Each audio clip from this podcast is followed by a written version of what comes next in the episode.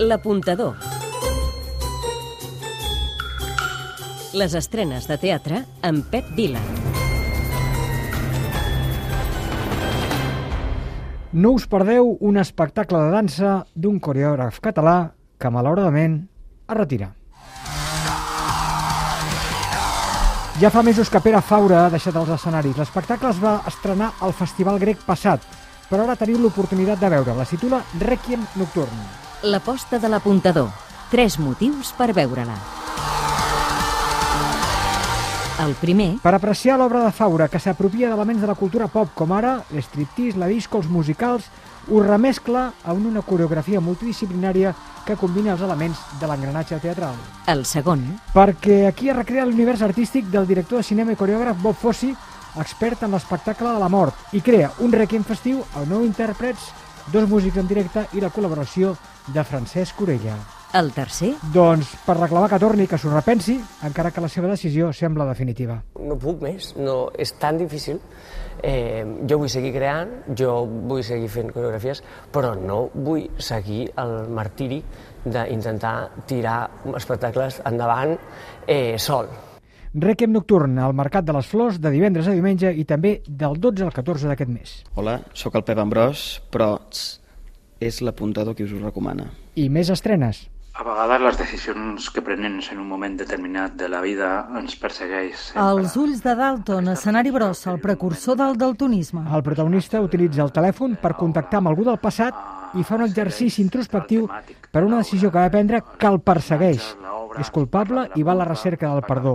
El dramaturg Iñaki Garth, que s'inspira en Harold Pinter, escriu una peça de misteri que parla del pas del temps. La protagonitzen Arnau Marín i Andrea Portella.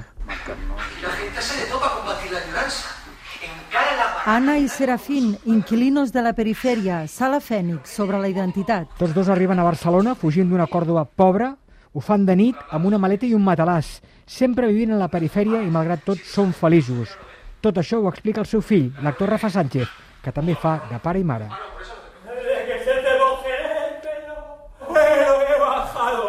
La nit, Acadèmia Teatre, homenatge a Moreno Bernardi. Primera de dues obres que presenta el teatre sobre aquest director italià que celebra 20 anys de trajectòria. És una adaptació a partir de l'obra de Coltés, La nit just abans dels boscos, on uns desconeguts es busquen i només a vegades aconsegueixen un contacte que els calmi. Tenen la necessitat de parlar i trobar un lloc on estimar en un món controlat pel poder.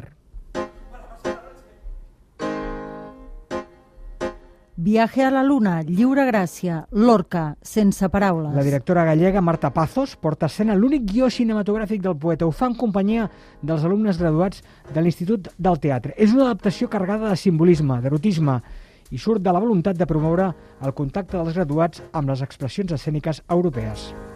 Delíria 2, Almeria Teatre, Eugeni Onesco escena. Dos personatges, ell i ella, junts des de fa anys, en un amagatall, s'acumula el seu passat, estan envoltats per un món en conflicte. Amb sentit de l'humor tràgic, Ionesco ens parla de la bogeria d'existir, de l'angoixa per la mort, de la dificultat de les relacions humanes. Interpreten Montse Puga i Òscar Intente. Joder, Martí, si portes tres setmanes tancat a casa l'àvia sense haver de donar explicacions a ningú, saps? És... Articulado ligero, tan tarantana, un conte vora el foc. Ramon explica el viatge que ell i el seu germà van fer per Europa, buscaven algú que podia haver estat el seu avi, i el que passa és que el germà no va tornar mai. Aquest relat podria ser un conte, o podria ser veritat, o potser no. Per cert, més coses. Preu atenció també als teatres que no són de Barcelona, que tenen esplèndides programacions. Per exemple, aquest dissabte a l'Auditori de Cornellà, a les 8, els monòlegs del gran Pepe Corbacho. Sembla que la comèdia, doncs, bueno, encara és aquella cosa de que el drama prima, quan a més a més està demostrat que és molt més complicat. Eh, ja no dic fer riure que fer plorar, sinó unificar el públic a la comèdia.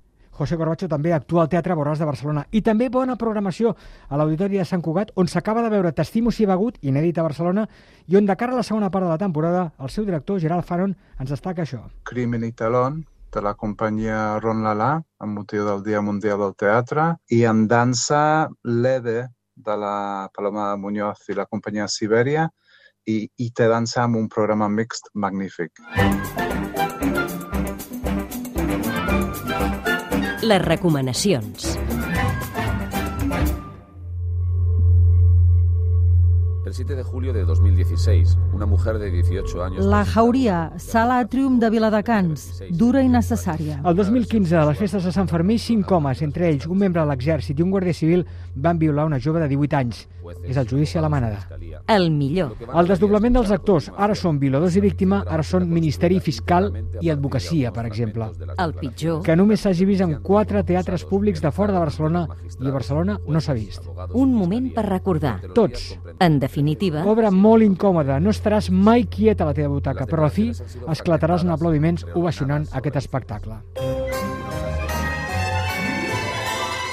L'apuntador. Les estrenes de teatre amb Pep Vila.